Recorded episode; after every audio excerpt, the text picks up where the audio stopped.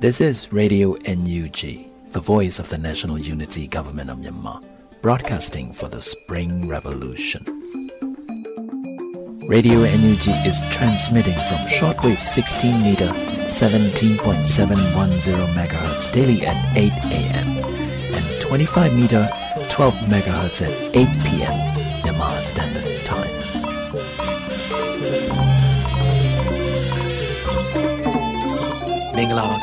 အမျိုးသားညီညွတ်ရေးအစိုးရရဲ့အသံလွှင့်ဌာန Radio NUG ကိုမနေ့၈နိုင်မှာလိုင်းဒိုမီတာ16မီတာ18.87 MHz ညဘက်မှာလိုင်းဒိုမီတာ25မီတာ17 MHz တို့မှာတိုက်ရိုက်ဖမ်းယူနားဆင်နိုင်ပါပြီမင်္ဂလာအပေါင်းနဲ့ပြည့်စုံကြပါစေခုချိန်ကစပြီး Radio NUG အစီအစဉ်လေးကိုဓာတ်ရိုက်အသံလွှင့်ပေးနေပါပြီ။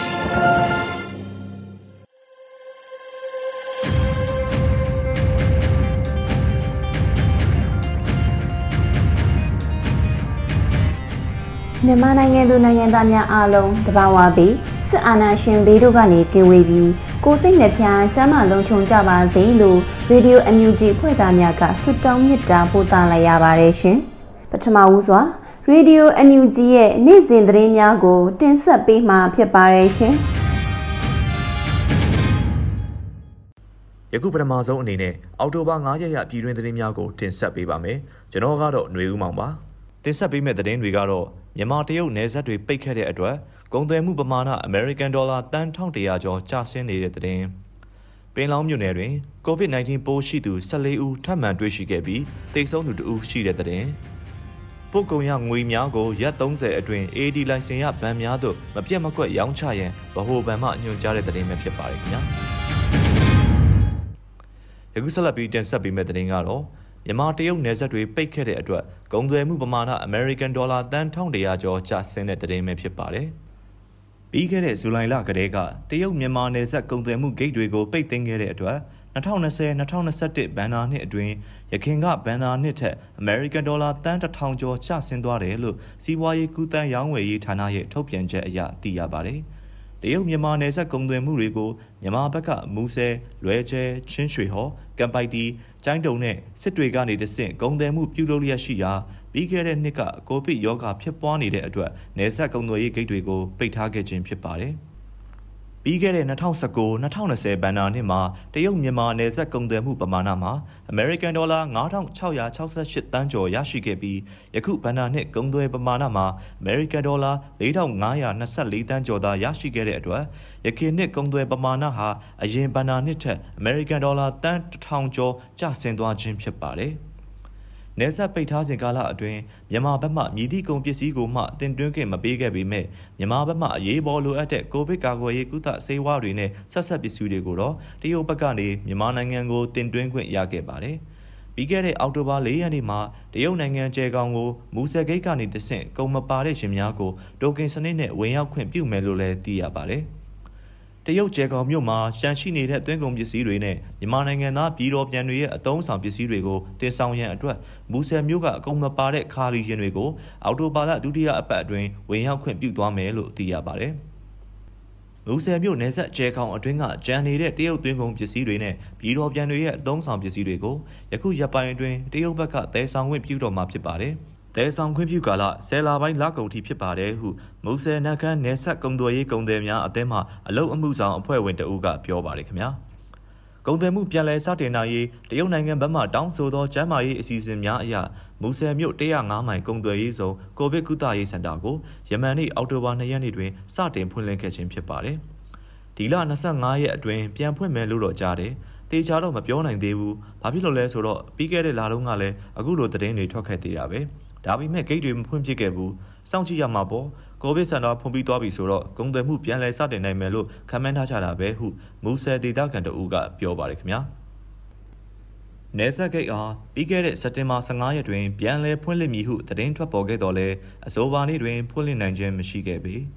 မူဆယ်နယ်စပ်ကုံသွယ်ရေးဆောင်ကိုပြီးခဲ့တဲ့ဇူလိုင်လမှစတင်၍ကိုဗစ်ကြောင့်ပိတ်ထားခဲ့ရာလက်ရှိတွင်နှစ်လကျော်ကြာမြင့်နေပြီဖြစ်ပါတယ်။န မြန်မာဘက်မှကုန်ကားတွေတရုတ်ဘက်ကိုလုံးဝဝင်ခွင့်မရပေမဲ့တရုတ်ဘက်ကမူကိုဗစ်ဆိုင်ရာဆက်ဆက်ပစ္စည်းများနဲ့အသီးအနှံတွေကိုမြန်မာဘက်သို့ပို့ဆောင်လျက်ရှိကြောင်းသိရပါတယ်ခင်ဗျာယခုဆက်လက်ပြီးကြန့်ရှိသတင်းများကိုမတ်နွေဦးမော်မှတင်ဆက်ပေးပါမယ်ခင်ဗျာ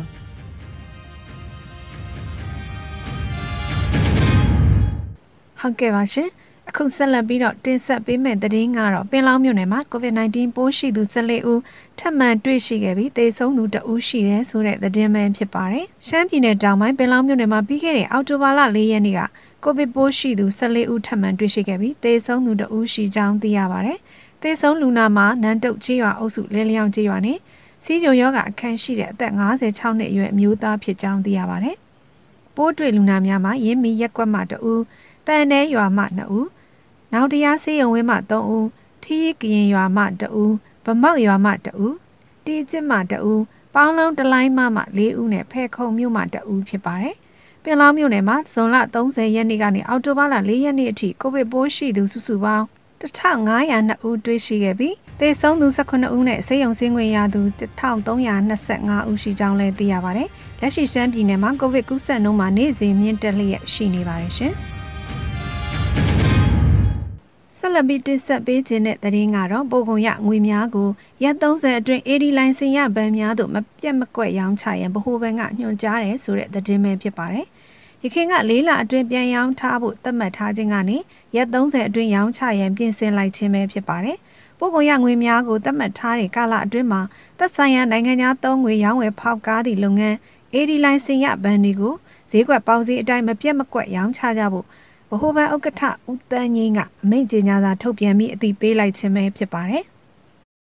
ပို့ကုန်တင်ပို့သူများအနေနဲ့မိမိတို့ရဲ့ဗန်စည်းကိုနိုင်ငံခြားသုံးငွေနဲ့ဝင်ရောက်ပြီးဖြစ်တဲ့ပို့ကုန်ရငွေများအနက်အသုံးမပြုဘဲကျန်ရှိတဲ့ပို့ကုန်ရငွေများကိုအေဒီလိုင်စင်ရဗန်များထံရောင်းချဖို့ညွှန်ကြားလိုက်ခြင်းလည်းဖြစ်ပါတယ်။နိုင်ငံခြားသုံးငွေစီမံခန့်ခွဲမှုဥပဒေမှာပို့ကုန်တင်ပို့သူကပို့ကုန်ရငွေကိုပို့ကုန်တင်ပို့တဲ့နေ့မှသတ်မှတ်ကာလအတွင်းနိုင်ငံအတွင်းကသူ့ရဲ့ဗန်ငွေစည်းနဲ့ နိုင်ငံခြားသုံးငွေဖြင့်ထည့်သွင်းဖို့ပြက်ကွက်ခြင်းမရှိစေရလို့ပြဋ္ဌာန်းထားပါတယ်။ဗဟိုဘဏ်ရဲ့ပြင်ဆင်သတ်မှတ်ချက်ကအမေရိကန်ဒေါ်လာဈေးကွက်လှုပ်လှုပ်ခက်ခက်ဖြစ်လာနိုင်ပြီးငွေလဲနှုန်းအကြဘက်ကိုပြန်ဆင်းသွားမလားဆိုတာရင်တမမနဲ့စောင့်ကြည့်စရာဖြစ်လာပြီလို့လုပ်ငန်းရှင်တဦးကသုံးသပ်ထားပါတယ်။ဒါကြောင့်ပို့ကုန်ရငွေဝင်ရောက်ပြီးရက်30အတွင်းသက်ဆိုင်ရာ AD လိုင်စင်ရဗန်များထံဈေးကွက်ပေါက်ဈေးအတိုင်းရောင်းချဖို့ညွှန်ကြားလိုက်ခြင်းဖြစ်ပြီး အော်တိုဘာလ3ရက်နေ့မှာစပြီးအမိန့်ကြော်ညာစာကအကျိုးသက်ရောက်မှုရှိမယ်လို့ထုတ်ပြန်ထားပါတယ်။ဗဟိုဘဏ်အနေနဲ့ပြီးခဲ့တဲ့စက်တင်ဘာလကပို့ကုန်ရငွေတွေကို၄လအတွင်းအေဒီလိုင်စင်ရဗန်များထံရောင်းချဖို့ညွှန်ကြားခဲ့ပြီးတလအကြာမှာတော့ရက်30အတွင်းဈေးကွက်ပေါင်စီအတိုင်းမပြတ်မကွက်ရောင်းချဖို့ပြင်ဆင်သတ်မှတ်လိုက်ခြင်းလည်းဖြစ်ပါတယ်။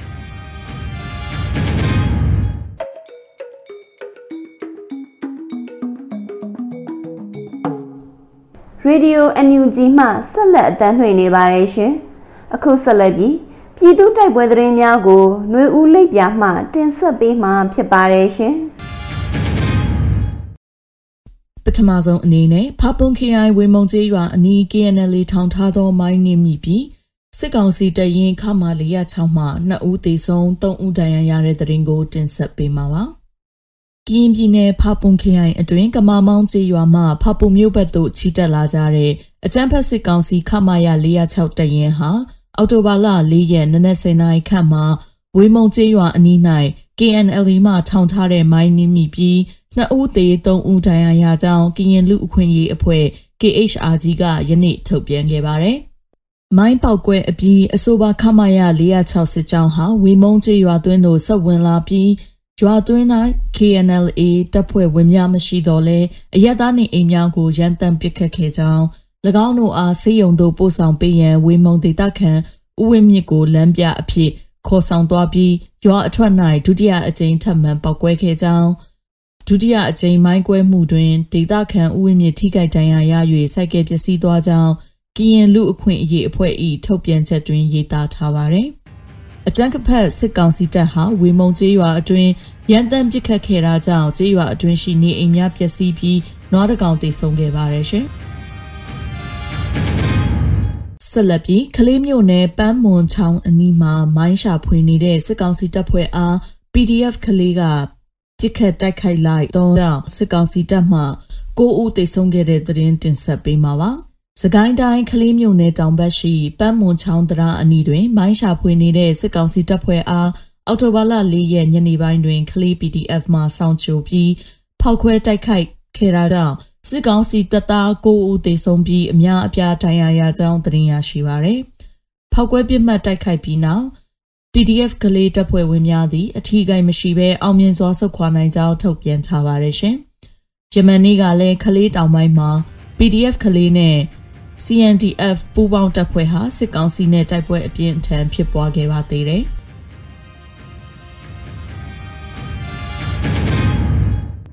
ဆက်လက်တင်ဆက်ပေးမှာကတော့ထိကြိုက်မြို့နယ်ကန်းနီရဲကင်းစခန်းကို PDF ကမီးရှို့ပြီးည၈နာရီကျော်လျင်လမ်းအသုံးမပြုရဆိုသော PDF အမိန့်မနာခံသည့်စီတရင်တစည်းကိုမိုင်းခွဲသတိပေးခဲ့တဲ့တဲ့မှာ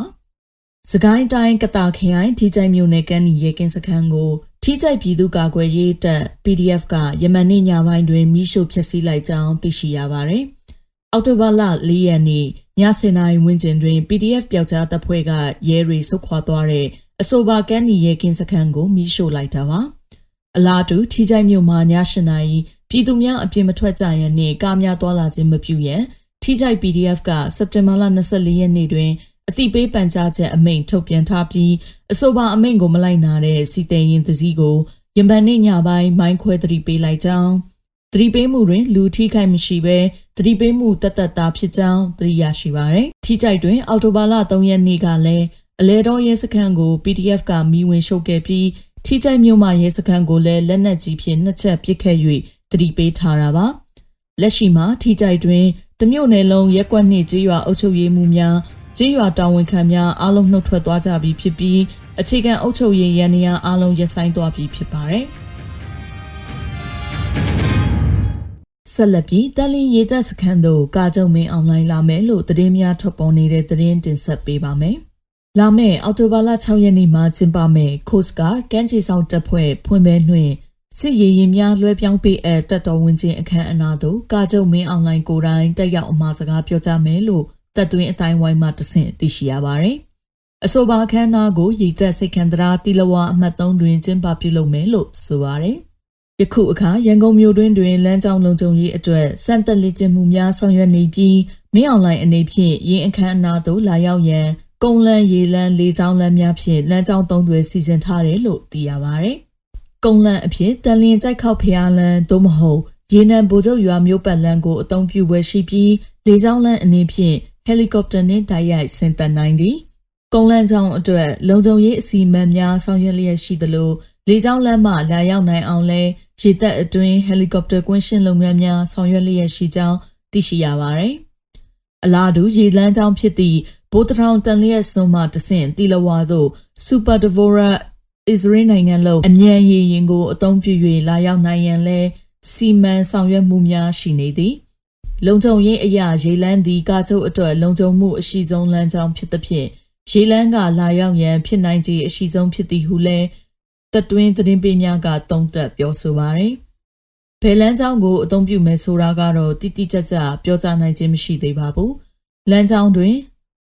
လုံခြုံရေးမိမျှတင်းကျပ်မှုရှိနိုင်သည့်အခြေအနေနှင့်လာရောက်မည့်လမ်းကြောင်းအတိအကျကိုသိရှိနိုင်ရန်ဆက်လက်စုံစမ်းလျက်ရှိတယ်လို့သိရှိရပါတယ်ရှင်။။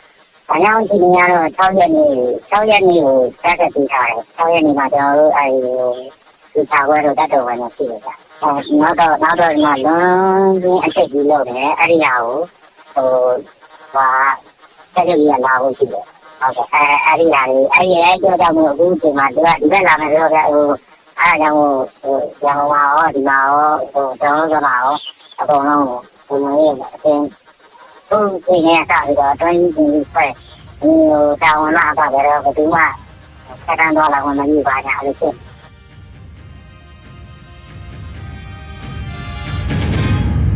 နောက်ဆုံးအနေနဲ့အမျိုးသားညီညွတ်ရေးအစိုးရပြည်ထရေးနဲ့လူဝင်မှုကြီးကြပ်ရေးဝန်ကြီးဌာနကထုတ်ပြန်တဲ့အော်တိုဘာလ9ရက်နေ့ပြည်သူ့ခုခံတော်လှန်စစ်တရင်အချက်လက်တွေကိုတင်ဆက်ပေးသွားမှာပါ။အာနာသိန်းအကြမ်းဖက်စစ်အုပ်စု၏ပြည်သူလူထုအပေါ်အကြမ်းဖက်ဖိနှိပ် ဖမ်းဆီးတိုက်ခိုက်တပ်ဖြတ်နေမှုများကိုပြည်သူလူထုတရက်လုံးကအသက်ရှင်တန်ရေးအတွက်မိမိကိုယ်ကိုမိမိခုခံကာကွယ်ပိုင်ခွင့်အရာပြည်သူခုခံစစ် People Defensive War ကိုဆင်နွှဲလျက်ရှိပါတယ်တည်င်းအချက်အလက်များအရ၄ရက်10လ2021ရက်နေ့မှာရန်သူစစ်ရေးပြစ်မှတ်16နေရာအုပ်ချုပ်ရေးပြစ်မှတ်17နေရာနဲ့စီးပွားရေးပြစ်မှတ်၄နေရာတို့ကိုခုခံတိုက်ခိုက်နိုင်ခဲ့ပါတယ်။စစ်အာဏာရှင်စနစ်မြမမြေပေါ်မှာအပြည့်တိုင်ခြုံငင်းရေးနဲ့ Federal Democracy တိဆောက်ရေးအတွက်ငြိမ်းချမ်းစွာဆန္ဒပြသည့်လူထုတပိတ်ပွဲတိုက်ပွဲများကတိုင်းဒေသကြီးများတွင်ဖြစ်ပွားပေါ်ပေါက်လျက်ရှိပါတယ်။မြေပြင်တွင်ယခုတွေ့ရတဲ့သတင်းအချက်အလက်များထက်ပို၍ဖြစ်ပွားနိုင်ပါတယ်။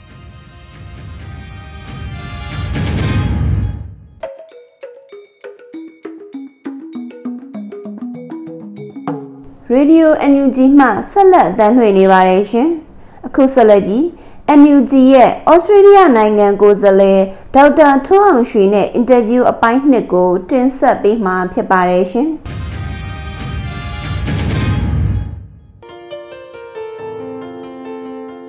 NUG ဆိုရအနေနဲ့နော် International Criminal Court ရဲ့ဆုံးဖြတ်ချက်တွေကိုလက်ခံမှုအစဉ်သင့်ရှိတယ်ဆိုတဲ့ကြေညာချက်ထုတ်လိုက်တယ်နော်ဒီဒီ jurisdiction ကို ICC ရဲ့ jurisdiction ကိုလက်ခံမယ်ဆိုတာကိုကြေညာချက်ထုတ်လိုက်တယ် အဲ့တော့ဒီဒီထုတ်လိုက်တဲ့ကြေညာချက်ကတကယ်တမ်းကအင်မတန်အရေးကြီးတဲ့ဟိုရှုခွက်တစ်ခုနိုင်ငံရေးရနော်စစ်အုပ်စုကိုထိုးနှက်ဖို့အတွက်အင်မတန်ရေးကြီးတဲ့ဟာဆိုတော့အခုဆိုရင်နယူးဒေါ်လာရေးအချိန်တက်လာပြီเนาะစစ်အုပ်စုကလည်းကျွန်တော်တို့စကိုင်းတို့မကွေးတို့မှာဒေသခံเนาะလူလူကိုပက်ပက်ဆက်ဆက်သူတို့ဖိနှိပ်နေတယ်เนาะစစ်ရာဇဝတ်မှုတွေအများကြီးကျူးလွန်နေတယ်เนาะလူခွင့်ရေးချိုးဖောက်မှုတွေအများကြီးလုပ်နေတယ်ဆိုတော့ NUG ကတစ်ဖက်က ပြည်ပဆိုင်ရာရာဇဝတ်တရားရုံးရဲ့ဆုံးဖြတ်ချက်ကိုလက်ခံမယ်လို့ကြေညာပြီးပြီတစ်ဖက်ကဒီစစ်အုပ်စုကကြတော့လေရရဆက်ဆက်ရာဇဝတ်မှုတွေကျူးလွန်နေပြီအဲ့တော့ကျွန်တော်တို့အပြင်ကရှိတဲ့လူလူကဒီ NUG government ကကြေညာထားတဲ့เนาะဒီ ICC ရဲ့ jurisdiction ကိုလက်ခံမယ်ဆိုတဲ့ဟာပေါ်မှာတကဘာလုံးမှာအတန်ဒီဟိနေအောင်ထွက်ပြီးတော့မှဒီစစ်အုပ်စုဒီရာဇဝတ်ကောင်တွေเนาะဒီစစ်ရာဇဝတ်အ စုအဖွဲ့ဖြစ်တယ်သူတို့ကိုနိုင်ငံတကာနော်တရားရုံးဖွဲ့ပြီးတော့အရေးယူကြမယ်ဆိုတဲ့အတန်ထွက်လာဖို့လိုတယ်ဒါဒီလိုမျိုးလုံနိုင်ရင်ဒါကလေးနဲ့တဲ့ထောက်ခံမှုရတာငကိုရှိပြီးသားထောက်ခံမှုမှာပိုပြီးလေးနဲ့သွားတယ်အဲ့တော့ UNG ကပြစ်ချင်တဲ့လမ်းကြောင်းနော်ပြည်ပြည်ဆိုင်ရာမြန်မာအဖွဲ့လူအဖွဲ့အစည်းတွေကအဖွဲ့အစည်းတွေကနေထောက်ခံပံ့ပိုးတဲ့လမ်းကြောင်းဒီနှစ်ခုအရှင်ကဟိုတိုက်ညီသွားရင်တိုင်ပင်လဲညီသွားမယ်ဆိုရင်အင်မတန်ထိရောက်တဲ့အနေအထားဖြစ်လာတာပေါ့နော် အဲ့အတွက်ကြောင့်မို့ဒါလည်းဒီလိုမျိုး synchronize ဖြစ်လာအောင် alignment တွေဖြစ်လာအောင်ကျွန်တော်တို့လုပ်ပါတယ်အဲ့လုပ်တဲ့အခါမှာလည်းစောစောကျွန်တော်ပြောကျွန်တော်ကံကောင်းတယ်ဘာလို့လဲဆိုတော့ Australia မှာဒီကမြန်မာဟိုအဖွဲ့အစည်းအနေနဲ့ဒီ very strong ပေါ့နော်တနိုင်ငံလုံးတိုင်းတာနဲ့ဖွဲ့ထားတဲ့ CRP Support Group Australia ဆိုတာရှိတယ်။နော်အဲ့ဒီအဖွဲ့ကြီးနဲ့ကျွန်တော်ကနီးနီးကပ်ကပ်ပူးပေါင်းဆောင်ရွက်ခွင့်ရတယ်ပေါ့နော်။ဒါဒါလေးတွေကကျွန်တော်ကံကောင်းတဲ့ချက်ပါ။ ဟော NUD ရဲ့ဒီခုခံတော်လှန်စစ်နဲ့ပတ်သက်လို့တော့ဥမာဗျာမိခင်တယောက်နဲ့ကလေးလေးတယောက်ပေါ့နော်မွေးစားကလေးလေးဆိုကလေးလေးကတော့ဟိုနို့စာလဲငူတာပဲเนาะဘိုင်းနာလဲငူတာပဲဟလာအီးပါခြင်းလဲငူတာပဲเนาะဒါအမေကသူ့ဟာသူဒီငိုတန်ကဘာလဲဆိုတော့သူကအဖြေရှားတာလေ။အော်ငါငါကလေးတော့ဘိုင်းတာနေပုံရတယ်လေထိုးနေပုံရတယ်ပေါ့နော်။ဆိုတော့အခုဒီ movement ကကြတော့အဲ့လိုနိုင်ငံအတိုင်းဝိုင်းကသူက interpret လုပ်မှာပေါ့။ ဆိုတော့ကလေးနဲ့အမေမှာအမေက interpret လုပ်တယ်နော်။အဖြေရှာတယ်ဒီအတန်ပါလဲဆိုကျွန်တော်တို့ကကြတော့ဒီနေသားမှာဟိုကျွန်တော်ဆိုလိုချင်တာဟိုကလေးငိုတယ်လို့ဘာဖြစ်ဖြစ်ဒီစကားကြီးပဲပြောလို့မရ targeted message လို့ကျွန်တော်သုံးချင်တယ်ကိုကဘယ်သူ့ကိုပြောမှာလဲဘသူကဘာကိုကြိုက်တာလဲသူကဘာကိုလုပ်ပေးနိုင်တာလဲဒါနဲ့ပတ်သက်တဲ့စကားကိုကျွန်တော်တို့ကပြောမှသူတို့ရဲ့ထိရောက်တဲ့ထောက်ခံမှုတွေရတာပေါ့နော်အဲ့တော့ကျွန်တော်တို့ပတ်ဝန်းကျင်မှာနိုင်ငံတကာအတိုင်းဝိုင်းဆိုတာကိုကျွန်တော်တို့ကခွဲပြီးတော့ကြည့်လိုက်ရင် နိုင်ငံတကာမှာအတိုင်းဝိုင်းမှာအစိုးရတွေရှိတယ်နော်ဒုတိယဘာလဲဆိုတော့ဒီအစိုးရတွေကိုကဒီ check and balance လုပ်နေတဲ့လွှတ်တော်တွေရှိတယ်နော်နောက်တစ်ခုကဘာလဲဆိုတော့ဒီအစိုးရမှုတဲ့အဖွဲ့အစည်းတွေရှိတယ်အစိုးရမှုတဲ့အဖွဲ့အစည်းလိုမှလည်းထပ်ပြီးတော့ဟိုခွဲခြားစိတ်ထားလိုက်ရင်နော်အခွင့်အရေးတွေပေါ့ rights တွေကိုအခြေခံပြီးတော့မှဖွဲ့စည်းထားတဲ့အဖွဲ့တွေရှိတယ်လူအခွင့်အရေးတွေအခြေခံတာနော်သူ့ဖွဲ့စည်းတွေကြာသူကတန်ဖိုးထားမှုတွေကိုအခြေခံပြီးလုပ်တယ်နော် values oriented ဒီဒီ group တွေရှိတယ်ပေါ့နော်အဲ့တော့သူတို့တစ်ဖွဲ့တစ်ဖွဲ့ကသူတို့ရဲ့ဒီ interest ပေါ်မူတည်ပြီးသူတို့မတူကြအောင်เนาะနောက်ပြီးတော့မှ general public ရှိတယ်ပေါ့ဗျာအဲ့တော့အစိုးရကဘယ်လိုမျိုးဒီမြမအကြီးနဲ့ပတ်သက်လို့သူကဘယ်လိုစိတ်ဝင်စားတာလဲเนาะအဲ့ဒီသူ့ရဲ့စိတ်ဝင်စားမှုမူတည်ပြီးကျွန်တော်တို့ကတကယ် targeted message သူ့ရင်ထဲထိသွားမယ့်စကားမျိုးကျွန်တော်တို့ပြောရမယ်ဒီလိုပဲပါလီမန်ဆိုလဲဒီလိုပဲဥပမာအပြင်ကျွန်တော်တို့ Australia ဆိုရင် Australia အစိုးရရဲ့ယက်တီချက်နဲ့ပါလီမန်ရဲ့ယက်တီချက်တော်တော်လေးကွာတယ် နောက်အစိုးရတောင်မှဒါကဟိုလောလောဆယ်ဒီဟိုပါအာဏာရအစိုးရရဲ့ policy နဲ့အကယ်၍ရွေးကောက်ပွဲဖြစ်လာလို့နော်အခုလောလောဆယ်အတိုက်ခံဖြစ်နေတဲ့ပါတီကအစိုးရဖြစ်လာခဲ့ရင်သူ့ရဲ့နိုင်ငံရေး policy ကချိန်သွားပြန်အောင်အဲ့တော့ကျွန်တော်တို့ကဟိုကလေးငိုသူမျိုး generalize ဒါယူတခါတည်းဟိုပြောလို့မရဘူးတကယ် targeted message ကျွန်တော်တို့ပေးရမယ်ဒါမှထောက်ခံမှုကအပြည့်အဝရမှာပေါ့နော်အဲ့တော့ကျွန်တော်တို့က ဘသူကိုပြောမှလဲဆိုတာကျွန်တော်တို့ပြည်ချရာဟိုနားလည်ဖို့လိုတယ်နောက်ပြီးတော့မှသူတို့ကဘယ်လိုပြောရင်သူတို့ရင်ထဲထိမလဲဆိုတာလည်းကျွန်တော်တို့နားလည်ဖို့လိုပါတယ်အဲ့ဒါလည်းကျွန်တော်တို့ပြောရတာပေါ့နော်အဲ့တော့ဒါကဒီစကားကကျွန်တော်ကဒီဟိုအခု TV မှာဒီပြောကြခွင့်ရလို့လေဒီ interview ရဲ့အခွင့်အရေးလေးကိုကျွန်တော်အသုံးပြီးပြောတာပါမြို့သားညီညွတ်ရေးအစိုးရအနေနဲ့ဒီဒီလူဟာတွေကအကုန်ရှိပြီးသားပါသူတို့တကယ် target approach တွေနဲ့တွားနေတာပေါ့နော်ဒါအခုကကျွန်တော်အခုနားထောင်နေပေးတတ်တယ် အပြည်ပြည်ဆိုင်ရာကမြမဒီလူမှုအဖွဲ့အစည်းတွေကအဖွဲ့အစည်းမျိုးစုံကိုကျွန်တော်ကဟိုတင်ပြခြင်းတဲ့သဘောနဲ့ပြောတာပါဗျဟုတ်ကဲ့ပါဆရာအဲ့တော့အနောက်နိုင်ငံတွေအနေနဲ့ဒီအခုမြန်မာအရေးပေါ်ကိုပေါ့နော်ဘယ်လိုမျိုးတွေဟိုအထောက်ပံ့ကောင်းနေပေးတင်တယ်လို့ဆရာမြင်လဲရှင်ကျွန်တော်တို့က ground zero ကစတာဗျာနော် national unity government ကဆိုတော့ဟိုတကယ်ကို0 level ကနေစတော့အကူကြီးကအကုန်လိုတာပဲဗျာ humanitarian assistance ပေါ့နော်လူသားချင်းစာနာထောက်ထားမှုအကူအညီဆိုလဲကာကြီးကနေအားအထိကျွန်တော်တို့လိုနေတာပဲเนาะတခြားသောလူမှုရေးထောက်ပံ့နေကျန်းမာရေးနဲ့ပတ်သက်တဲ့ထောက်ပံ့နေเนาะ education စီးပွားရေးနဲ့ဒီဒီပညာရေးနဲ့ပတ်သက်တဲ့ထောက်ပံ့အကုန်လိုတာပေါ့เนาะအဲ့တော့ထောက်ပံ့နေကတော့လိုတယ်အများကြီးလိုပါတယ် ဘလို့ထောက်ပံ့နေရအောင်လုပ်မလဲဆိုရင်တော့အဓိကတော့ဗာလဲဆိုတော့နိုင်ငံခြားအစိုးရတွေကသူအထောက်ပံ့ပေးနိုင်တယ်။နောက်ပြီးတော့မှသူတို့နိုင်ငံမှာနိုင်ငံအသီးသီးမှာရှိနေတဲ့ charity foundation တွေပေါ့နော်ပရဟိတအသင်းကြီးတွေအဖွဲ့အစည်းတွေသူတို့ကလည်းထောက်ပံ့ပေးနိုင်တယ်။နောက်ဒီလူလူပေါ့နော်လူလူမှာမှကျွန်တော်တို့မြန်မာ community တွေရှိတဲ့နိုင်ငံအသီးသီးက Australia မှာဆိုလဲကျွန်တော်တို့မြန်မာ community ကြီးရှိတယ်ဒီအစိုးရကိုချင်းကပ်တဲ့အခါမှာသူ့ရဲ့နိုင်ငံခြားရေး policy ပေါ့နော်အထူးသဖြင့်မြန်မာနိုင်ငံပေါ်ထားတဲ့နိုင်ငံခြားရေး policy ကဘယ်လို policy မျိုးလဲဆိုတာကျွန်တော်တို့ကအရင်မြင်အောင်ကြည့်ပြီးချင်းကပ်ပါတယ်အဲ့တော့အဲ့ဒီခါမှာဥပမာအပြင်ဆိုရင်အစိုးရတွေရဲ့ policy ကိုကြည့်ရင်တချို့အစိုးရတွေကဘယ်လိုခေါ်မလဲ value နဲ့အခြေခံပြီးစဉ်းစားတယ်ဥပမာအပြင် Scandinavia နိုင်ငံကနော်နိုင်ငံဥပမာ UK တို့ EU တို့ဒီ US တို့ဆိုရင်မြန်မာအစိုးရပေါ်မှာ section တွေလုပ်တယ် ဆိုတဲ့အခါကျတော့သူတို့ပေးနိုင်တဲ့အကူအညီကတမျိုးပေါ့နော်သူတို့ပွင့်လင်းလင်းပေးတာရှိတယ်ဥပမာကိုရီးယားအစိုးရဆိုလည်းမြန်မာအကြီးကိုဒီပြောင်ပြောင်တင်းတင်းကိုသူတို့ကူညီတယ်အားပေးတယ်အဲ့တော့သူစီရရနိုင်တဲ့ဟာတွေကတမျိုးပေါ့နော်ကျွန်တော်တို့အခုကျွန်တော်နေနေရတဲ့ Australia နိုင်ငံဆိုရင်သူက interest oriented policy လား value oriented policy လားဆိုတော့ကျွန်တော်ကိုယ်ပြပြကိုရောနေရှားဘယ်နိုင်ငံထဲမှာမတူဘူးเนาะ အဲ့တော့ Australia နိုင်ငံဒီလူခွင့်ရေးကိုအများကြီးဦးစားပေးတယ်အဲ့တော့လူခွင့်ရေးရှုထောင့်ကနေဆိုရင်အခုစစ်အုပ်စုကိုသူတို့တားဆီးပိတ်ပင်မှုတွေလုပ်တင်တယ်ဒါပေမဲ့ဒီနေ့အထိမလုပ်ဘူး February တရက်နေကြမလုပ်ဘူးနော်နောက်ပြီးတော့ interest ဥပမာဖြင့်ဒီဒီကိုယ့်ရဲ့အကျိုးစီးပွားအတွက်ကျွန်တော်တို့မြန်မာနိုင်ငံမှာဆက်ဆံနေတဲ့နိုင်ငံခြားအစိုးရတွေရှိတယ်ဒါကျွန်တော်နာမည်မပြောတော့ပါဘူးခံမှန်းကြည့်လို့ရတယ်သူတို့အကျိုးစီးပွားအတွက်အဲ့တော့ Australia အစိုးရရောသူ့အကျိုးစီးပွားအတွက်မြန်မာပြည်ဆက်ဆံသလားဆိုတော့အဲ့လိုကြီးလည်းအတိအကျပြောလို့မရဘူးရောနေတာပေါ့နော် ဆိုတော့အခုဆိုရင် Australia အစိုးရကဒီမြန်မာနိုင်ငံနဲ့ပတ်သက်လို့လူသားချင်းစာနာမှုဆိုင်ရာထောက်ထားတွေပေးမယ်လို့သူပြောတယ်ဒါကိုဦးစားပြီးပေးမယ်နော်ဒုတိယကပေးတဲ့အခါမှာအစိုးရအစိုးရချင်းမပေးဘူးနော်ဒီ INGO တွေ multilateral approach လို့သူတို့ကသုံးတယ်အဲ့တော့အစိုးရမဟုတ်သောအဖွဲ့အစည်းတွေကုလသမဂ္ဂတွေအာဆီယံတဆင့်ပေးမယ်နော်အဲ့တော့ပေးတဲ့အခါမှာတော့ဒီလူသားချင်းစာနာထောက်ထားမှုပေးမယ်ဘယ်သူတွေကိုပေးမလဲဆိုဒီအကူအညီအလိုဆုံးလူတွေကိုပေးမယ် ဒါကသူတို့ရဲ့မူပေါ့နော်အဲ့တော့ကျွန်တော်တို့ကအစိုးရဒီနောက်နိုင်ငံတွေ including ဒီ Australia ပါပေါ့နော်အဲ့တော့အထောက်ပံ့တွေရဖို့အခုကျွန်တော်တို့လုပ်ရတဲ့ခါမှာဒီနီးနဲ့ကျွန်တော်တို့ကြည့်ပြီးတော့ကိုကိုရဲ့အစိုးရကကိုချစ်ကပ်မယ်ဆိုရဘလို့ဆိုရလဲသူ့ policy ကပါလဲသူချထားတဲ့ policy ထဲမှာကိုကအလုပ်လုပ်ရတာပေါ့နော်အဲ့တော့ကျွန်တော်ဆိုမဲ့ Australia မှာ Australia ရဲ့ဒီနိုင်ငံသားကြီးမြန်မာနိုင်ငံနဲ့ပတ်သက်တဲ့ဒီ policy ကိုလေ့လာရတယ်ကြည့်ရတယ်ဒီ frame ထဲကနေသူတို့ကိုယ်ဘယ်လိုများအကူအညီပေးနိုင်ရတယ်လဲကြည့်ရတာပေါ့နော်အဲ့ဒီထဲမှာမှအခုဒီလူသားချင်းစာနာတထောင်မှုပေးမယ်ဆိုတော့ကျွန်တော်တို့က INGO တွေကတဆင့်ပို့ပြီးတော့ပေးပါเนาะကျွန်တော် UN သို့မဟုတ်အာဆီယံသွားမယ်ဆိုရင်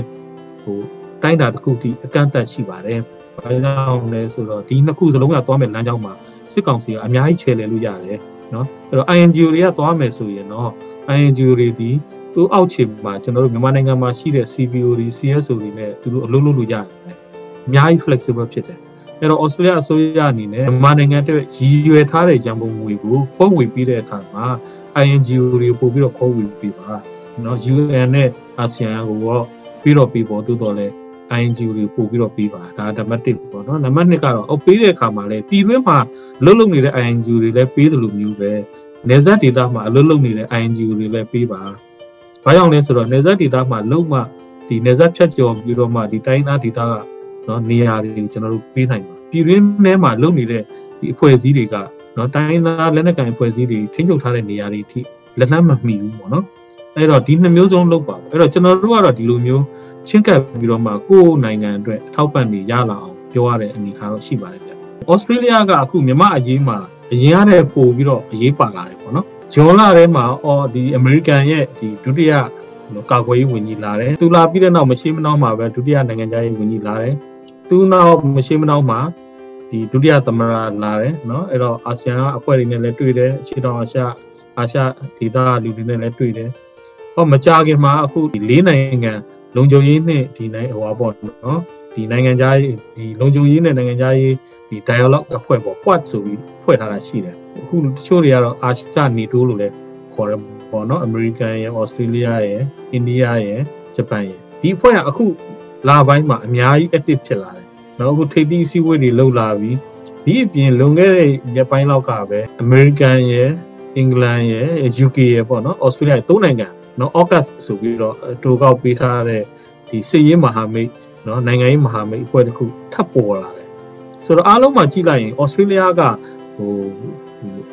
အဓိကလေဟိုဗဟိုချက်နေရာကနေ American ရဲ့ Indo-Pacific မဟာဗျူဟာကိုကစားမဲ့အနေအထားမှာပေါ်လာတော့ဗောနော်အဲ့တော့ American Indo-Pacific မဟာဗျူဟာဆိုတာလဲတရုတ်ပြည်ရဲ့ဒီပြီးမှလာတဲ့ဩဇာဩဇာအာဏာကိုအာရှဒေသထဲမှာ balance လုပ်ဖို့ပေါ့နော် အဲ့တော့ American နဲ့တရုတ်ရဲ့ဒီဒီညှိနှိုင်းမှုတွေအားပြိုင်မှုတွေသူတို့ကရှိလာပြီအဲ့တော့မြန်မာပြည်ကိုဘလို့အကျိုးသက်ရောက်မလဲဆိုတော့ဥပမာအဖြစ်ပေးရရင်ဒါခုကျွန်တော်တို့ကုလသမဂ္ဂမှာကျွန်တော်တို့ရဲ့တန်မာကြီးဥကြော်မိုးထွန်းကိုနော်သူဆက်ပြီးရှိနေဖို့နော်ဆက်ပြီးရှိနေတဲ့ခါမှာလဲဟိုအခုလောလောဆယ် high level talk အဲဒီရှိတဲ့ကာလအတွင်းမှာတော့နော်မိန်ကုန်းလေးတွေမပြောဖို့ဆိုတဲ့ဟာမျိုးသူတို့အချင်းချင်းနော် China နဲ့ဒီ US နဲ့အကြီးကြီးဒီလောက်ထားတဲ့အထက်မှာမြန်မာပြည်ကအစိပ်ပိုင်းတစ်ခုအနေနဲ့ပါလာတယ် နော်အဲ့တော့ဟိုပြန်ချုံပြောရရင်ကျွန်တော်တို့အရှိတောင်အရှာဒေသမှာဒီ geo strategic environment ကြီးကတော်တော်လေးအပြောင်းလဲတွေလှုပ်ရှားလာတယ်လှုပ်ရှားလာတဲ့အထက်မှာ Australia က key player နဲ့ပါလာတယ်အဲ့တော့ဒီဟာကြီးတစ်ခုလုံးကကျွန်တော်တို့မြန်မာအရေးကိုအကျိုးသက်ရောက်မှုတွေအများကြီးရှိနိုင်တယ်နော်အဲ့တော့ကျွန်တော်တို့ Australia မှာကိုယ်စားလှယ်အနေနဲ့ကိုယ်စားလှယ်ရုံးအနေနဲ့ကျွန်တော်တို့နေထိုင်လောက်ကင်နေရတဲ့အခါမှာအခုဆိုကျွန်တော်လည်းအဲ့ဒီဟာကိုမပြတ်လေးလာနေရတယ်မပြတ်လေးလာနေရတော့အခုမကြခင်မှာတော့ကျွန်တော်တို့ဒီ ကိုယ်စားလှယ်ရုံးရဲ့ political section မှာ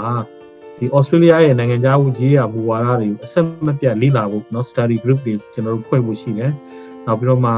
ဒီအခုလက်ရှိဖွဲ့လိုက်တဲ့ UCAS ပေါ့နော်။ UCAS အဖွဲ့ကိုလည်းကျွန်တော်တို့သူ့ရဲ့ဒီ move တွေဘယ်လိုဖြစ်လာမလဲเนาะမြန်မာနိုင်ငံရေးကိုဘယ်လိုကျိုးတက်ရောက်မလဲဆိုတာတွေကိုကျွန်တော်လေ့လာဖို့ရှိတယ်။အဲဒီနီးနဲ့ကျွန်တော်တို့က Australia နိုင်ငံနေပြီးတော့မှမျိုးတော်လှန်ရေးအတွက်မျိုးသားညီညွတ်ရေးအစိုးရအ တွက်အကျိုးစီးပွားတွေကျွန်တော်တို့အကောင်းဆုံးဆောင်ရွက်နေပါတယ်လို့ပြောပြချင်ပါတယ်ဗျ။တရားသူကိုတွန်းလှန်သောတွေဦးသားကောင်းအောင်စစ်ပြီးပြည်သူအာဏာပြည်သူလက်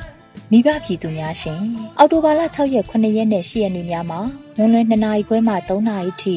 မွန်းလွဲပိုင်းအစီအစဉ်ကိုလိုင်းတူ16မီတာ19.8 MHz မှာထက်မှန်တိုးချက်စမ်းသပ်ထုတ်လွှင့်ပေးသွားမှာဖြစ်ပါတယ်ရှင်။ အောက်တိုဘာလ6ရက်9ရက်နဲ့10ရက်နေ့များမှာပုံမှန်ထုတ်လွှင့်နေကြရေဒီယိုအန်ယူဂျီရဲ့ညနေပိုင်းအစီအစဉ်များကိုလှိုင်းတူ25မီတာ12 MHz အပြင်လှိုင်းတူ19မီတာ15.565 MHz မှာလည်းတပြိုင်နက်တည်းစမ်းသပ်ထုတ်လွှင့်သွားမှာဖြစ်ပါတယ်ရှင်။ဒီကနေ့တော့ဒီညနေပဲ Radio NUG အစီအစဉ်လေးကိုကစ်တာရန်နာလိုက်ပါမယ်။မြန်မာစံတော်ချိန်မနေ့၈နာရီ ညနေ၈နာရီတို့မှာပြန်လည်တွေ့ဆုံကြပါစို့။ Radio NUG ကိုမနေ့၈နာရီမှာ flight meter 16 meter 18.87 MHz ညဘက်မှာ flight meter 25 meter 12 MHz တို့မှာတိုက်ရိုက်ဖမ်းယူနားဆင်နိုင်ပါပြီမြန်မာနိုင်ငံသူနိုင်ငံသားများကိုစိတ်နှပြချမ်းမာချမ်းသာလို့ဘေးကင်းလုံခြုံကြပါစေလို့ Radio NUG အဖွဲ့သူအဖွဲ့သားများဆုတောင်းပေးလိုက်ပါတယ်အ မျိုးသားညီညွတ်ရေးအစိုးရရဲ့ဆက်သွယ်ရေးသတင်းအချက်အလက်နဲ့ဤပညာဝန်ကြီးဌာနကထုတ်လွှင့်နေတဲ့ Radio NUG ဖြစ်ပါတယ်။စ San Francisco Bay Area ခြေဆိုင်မြန်မာမိသားစုများနဲ့နိုင်ငံတကာကစေတနာရှင်များလုံအားပေးများရဲ့ Radio NUG ဖြစ်ပါတယ်။အရေးတော်ပုံအောင်ရမည်